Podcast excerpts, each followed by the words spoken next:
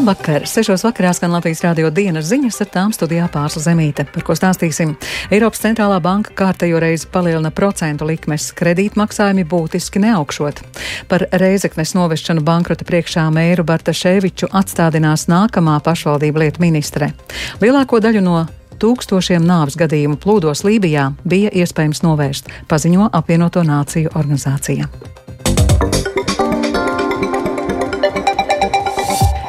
Eiropas cilvēktiesība tiesa nesaskata pārkāpumus lēmumā par pāreju uz mācībām latviešu valodā mazākuma tautību vidusskolās. Tiesa secinājusi, ka pirms pieciem gadiem Latvijā veiktie grozījumi normatīvos par pār, pā, pakāpenisku pāreju uz mācībām latviešu valodā mazākuma tautību skolās vidusskolu posmā nepārkāpj Eiropas cilvēktiesību konvencijā noteiktās tiesības uz izglītību. Tiesā vērsās vairāk Latvijas iedzīvotāji, bet tiesas spriedumā vienbalsīgi atzinusi, ka latviešu valodas proporcijas palielināšana palielināšana mācībās nepārkāpj konvenciju. Eiropas centrālā banka atkal paaugstina procentu likmes. Bankas padomas sēdē Frankfurtē tika nolēmts palielināt trīs galvenās procentu likmes par 0,25% punktiem, un tās stāsies spēkā 20. septembrī. Šī bija jau desmitā sanāksme pēc kārtas, kad banka cēlus likmes. Bankas prezidente Kristīna Lagarde norādīja, ka lēmumam par likmju tālāku celšanu padomē bijis stingrs vairākums, lai gan daži locekļi vēlējušies kāpumu apturēt. Inflation continues to decline, but is still expected to remain Inflācija turpina samazināties, taču sagaidāms, ka tā joprojām saglabāsies pārāk augsta, pārāk ilgi. Mēs esam apņēmīgi nodrošināt, ka inflācija atgriežas 2% līmenī vidējā termiņā. Lai stiprinātu virzību uz mūsu mērķi, padome šodien lēma celt 3% likmes par 0,25% punktiem. Likmju celšana atspoguļo mūsu novērojumus par inflāciju, kas balstīti jaunākajos ekonomikas un finanšu datos. Bankas septembra prognozes par eirozonas makroekonomiku norāda uz vidējās inflācijas līmeni 5,6% apmērā šogad, 3,2% apmērā nākamgad un 2,1% apmērā 2025. gadā. 2,1% in 2025. Šodien pieņemtais lēmums Latvijas patērētājs būtiski neietekmēs. Tā Latvijas radio apgalvo SEB bankas finanšu tirgus pārvaldes vadītājs Andris Lāriņš. Procentu likmju kāpumus gan tuvākajā laikā varētu nedaudz paaugstināt īstermiņa, jeb 3 līdz 6 mēnešu Euribor aizdevuma likmes. Lāriņš atklāja, ka daļa no iepriekš paredzētā procentu likmju kāpuma jau esot bijusi iekļauta šī brīža cenās. Aizejošais reģionālās attīstības ministrs Māris Sprindžuks no apvienotā saraksta ir nolēmis sākt Rēzeknes mēra partijas kopā Latvijai biedra Aleksandra Bartaševiča atstādināšanas procedūru, jo līdšanējie domas skaidrojumi par pilsētas novešanu līdz teju bankrotam nav bijuši pārliecinoši. Proti Rēzeknei izdevuma sekšanai pietrūks gandrīz 4 miljonu eiro, budžetu tā ir saplānojusi bez tēriņiem, algām un citām lietām gada nogalē, bet tajā pašā laikā turpina prasīt kredītus uz lieliem projektiem. Lēmums atstādināt Bartaševiču no amata gan būs jāpieņem jau nākamajai, uh, nākamajai pašvaldību uh, lietu ministrei Bērziņai. Manas pilnvaras vēl nav stājušās. Ja jūs man jautājat no tā, cik es esmu lasījusi presē un eh, cik eh, esmu dzirdējis arī no kolēģiem, tad, nu, manuprāt, šāda mēra rīcība nav pieņemama. Un, eh, es domāju, visticamāk, ka viņš būtu atbrīvojams no amata, bet, lai varētu pateikt to pilnīgi droši, man būtu jāiepazīstās ar visiem dokumentiem. Esošais ministrs principā uz šo iziet nu, pašās pēdējās savās pilnvaru dienās. Principā to bumbu pārliek jūsu rokās. Nu, tas, es domāju, jā, jājautā ir esošajam ministram. Tā nākamā iespējamā ministre Inga Bērziņa no jaunās vienotības. Tikmēr Reizeknes mērs Bartaševičs intervijā Latvijas radio atstādināšanas procesu sauc par politizētu kampaņu pret Reizeknes domi. Pēc viņa teiktā problēmas nerastos, ja finanšu ministrija akceptētu Reizeknes prasību pēc kredītiem.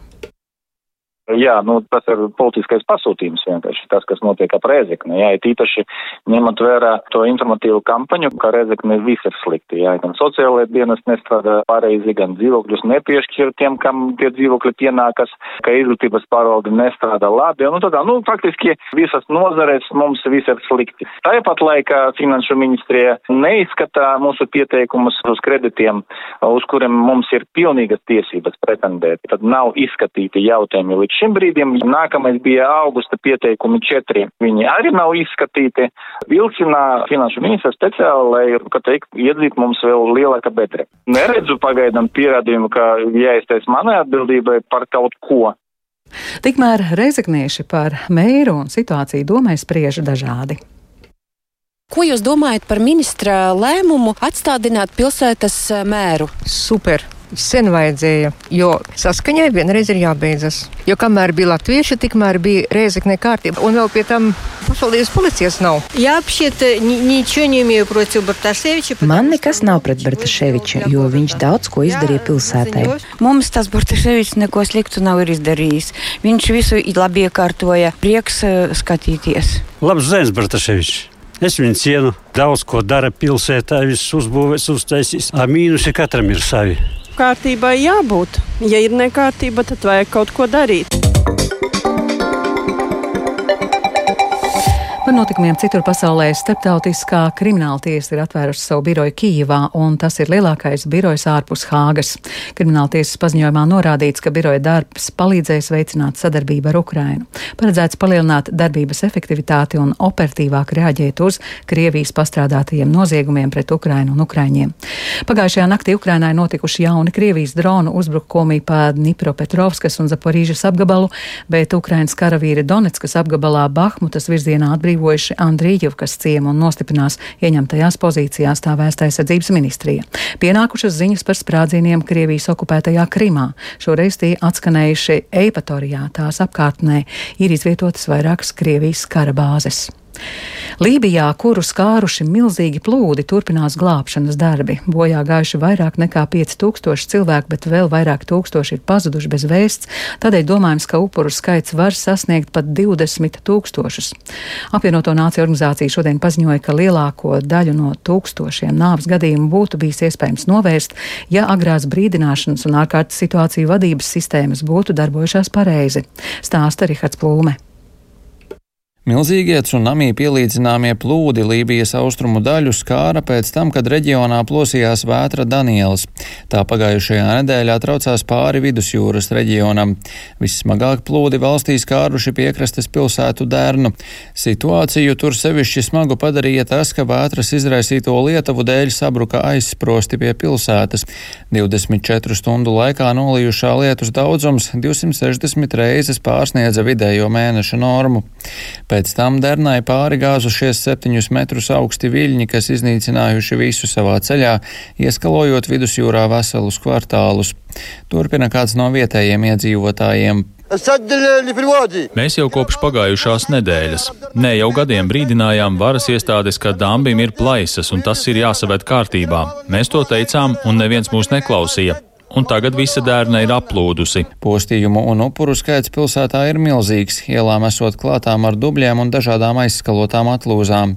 Arī cilvēku mirstīgās atliekas apsaktas ar segām gulst ielās. Jūra joprojām izskalo desmitiem plūdu upuru, ko iepriekš aiznesa spēcīgā straume. Pastāv bažas, ka upuru skaits var sasniegt pat 20 tūkstošus. ANO brīdinājusi par potenciālo slimību izplatību piesārņotā ūdens un daudzo līķu dēļ. Iespējas piegādāt palīdzību palīdzību pilsētai pašlaik ir stipri ierobežotas. Palīdzību apgrūtina arī Lībijas gadiem ilgā kara sekas, korupcija un tas, ka valsti pārvalda divas konkurējošas valdības. Tādēļ būtiska ir starptautiskā palīdzība, un uz Lībiju devušās glābšanas komandas no Ēģiptes, Tunisijas, Itālijas, Spānijas un Turcijas. ANO šodien paziņoja, ka lielāko daļu no tūkstošiem nāves gadījumu Lībijas plūdu katastrofā būtu bijis iespējams novērst. Ar labāku koordināciju būtu bijis iespējams izteikt brīdinājumus un ārkārtas situāciju vadības spēki būtu spējuši veikt cilvēku evakuāciju. Rihards Plūme, Latvijas radio. Itālijai piedarošajā Lampedūzas salā ir izsludināts ārkārtas stāvoklis, jo vietējās varas iestādes netiek galā ar milzīgo migrantu pieplūdumu. Uz salas ir notikušas sadursmes starp migrantiem un policiju. Iepriekšējā diennaktī salā pa vidusjūru ieradās vairāk nekā 6800 migrantu, kas ir nepieredzēts atbraucēju skaits vienā dienā. Itālijas premjerministra Džordžija Meloni ir solījusi sniegt visu nepieciešamo atbalstu Lampedūzas varas iestādēm. Viņa arī norādīja, ka Itālija viena pati nespēja tikt galā ar nelegālo migrāciju, tāpēc sagaida palīdzību no Eiropas Savienības, jo pašreizējā prakse, kad migranti no Dienvidu Eiropas valstīm tiek pārvietot uz citām Eiropas Savienības dalībvalstīm, nestrādā döda. Che la questione dei cosiddetti ricollocamenti nella situazione molto complessa che noi stiamo affrontando è secondaria. Pārvietošanas jautājums ir sekundārs, proti pēdējos mēnešos ir pārvietots ļoti maz cilvēku. Tāpēc runa nav par to, kā mēs pārvietojam migrantus starp valstīm. Vienīgais veids, kā atrisināt šo jautājumu visiem kopā, ir apturēt primāro pārvietošanos, tas ir ieceļošanu Itālijā, un es turpinu pie tā strādāt. Es redzu izmaiņas citu valstu domāšanā, bet joprojām neredzu konkrētas atbildes qualità, ma non vedo ancora. Arī apvienoto nāciju organizācijas ģenerālsekretārs Antonio Guterres mudinājis Eiropas Savienību domāt par to, kā efektīvāk palīdzēt tām valstīm, uz kuru pleciem gulstas nelegālās migrācijas sloks.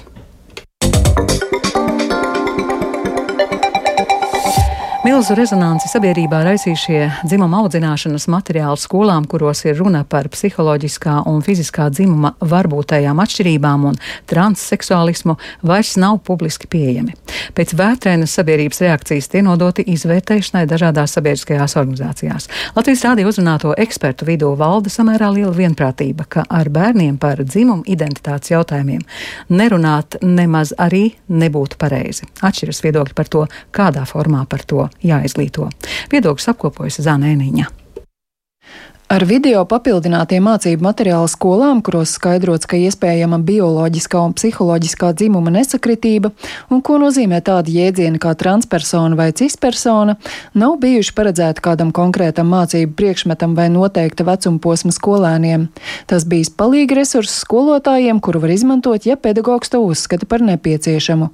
Tā skaidro valsts izglītības satura centra pārstāve Liena Bērziņa. Šajā gadījumā materiālam pretī bija norādīts, ka tie ir izmantojami sākot no 4. klases līdz pat 12. bet te ir būtiski uzsvērt, ka tas nenozīmē, ka 4. klases skolēniem šāds saturs tiek piedāvāts, piemēram, no vāka līdz vākam un kādā konkrētā mācību stundā stāstīts, rādīts un tā. Atcaucoties uz skolēnu vecāku sašutumu, ar publikāciju sociālajā tīklā Facebook plašākas sabiedrības uzmanību šiem mācību materiāliem piesaistīja pusauģu un jauniešu psihoterapijas centra vadītājs Nils Saks Konstantīnovs.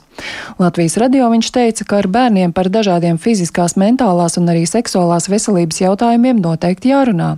Ideāli, ja tas notiek veselības mācības stundās, taču konkrēto mācību saturu viņš vērtēja kā pārmēru radikālu un ievirzošu. Paši pieaugušie īsti labi neapzinoties, kādas ir šīs dažādās ietekmes, nu kaut kādā ziņā veicina varbūt ne tās veselīgākās izpausmes starp bērniem un pusauģiem. Valsts izglītības satura centrs rēģēja materiālus no mācību plānošanas e-vides izņemot un nododot izvērtēšanai dažādām sabiedriskajām organizācijām, piemēram, Latvijas psihiatru asociācijai, Latvijas ārstu biedrībai un vairākām citām, arī organizācijai Papardziets, kas Latvijā jau ilgus gadus izglīto jauniešus seksualitātes jautājumos. Organizācijas valdes priekšsēdētāja Iveta Ķēle uzskata, šāds materiāls nepieciešams pirmām kārtām kā palīgs skolotājam. Lai nebūtu tā, ka vidusskolā viņš ienāk klasē un, piemēram, kāds bērns stundā pajautā, jūs vispār skolotāji ziniet, ko nozīmē cis? Un tas skolotājiem ir tāds ups, jā. Zāne Eniņa, Latvijas radio.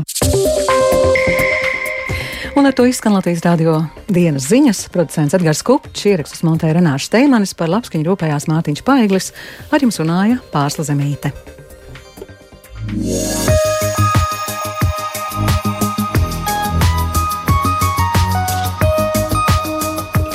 Latvijas vides geoloģijas un meteoroloģijas centrs informē, pat labam Rīgā 17 grādi, ziemeļvējš 5 m2, gaisa spiediens 766 mm, gaisa relatīvais mitrums 63%. Bet par to, kāds laiks gaidāms turpmāk, stāsta sinoptiķe Ilze Golubeva. Gan piekdien, gan sestdien laikapstākļi Latvijā būs mierīgi. Laiks būs lielākoties saulains, tāpat arī sauss un būtīs lēns vējš. Līdz ar to nakts un rīta stundās dažviet veidosies migla. Minimālā gaisa temperatūra naktīs gaidāma plus 3, plus 9 grādu robežās, bet nedaudz siltāks būs piekrastē. Savukārt dienu laikā termometrs stabiņš pakāpsies līdz plus 17, plus 21 grāda atzīmēji. Līdzīga gaisa temperatūra gaidām arī svētdien, tomēr svētdien jau vietām jārēķinās arī ar nokrišņiem. Oh.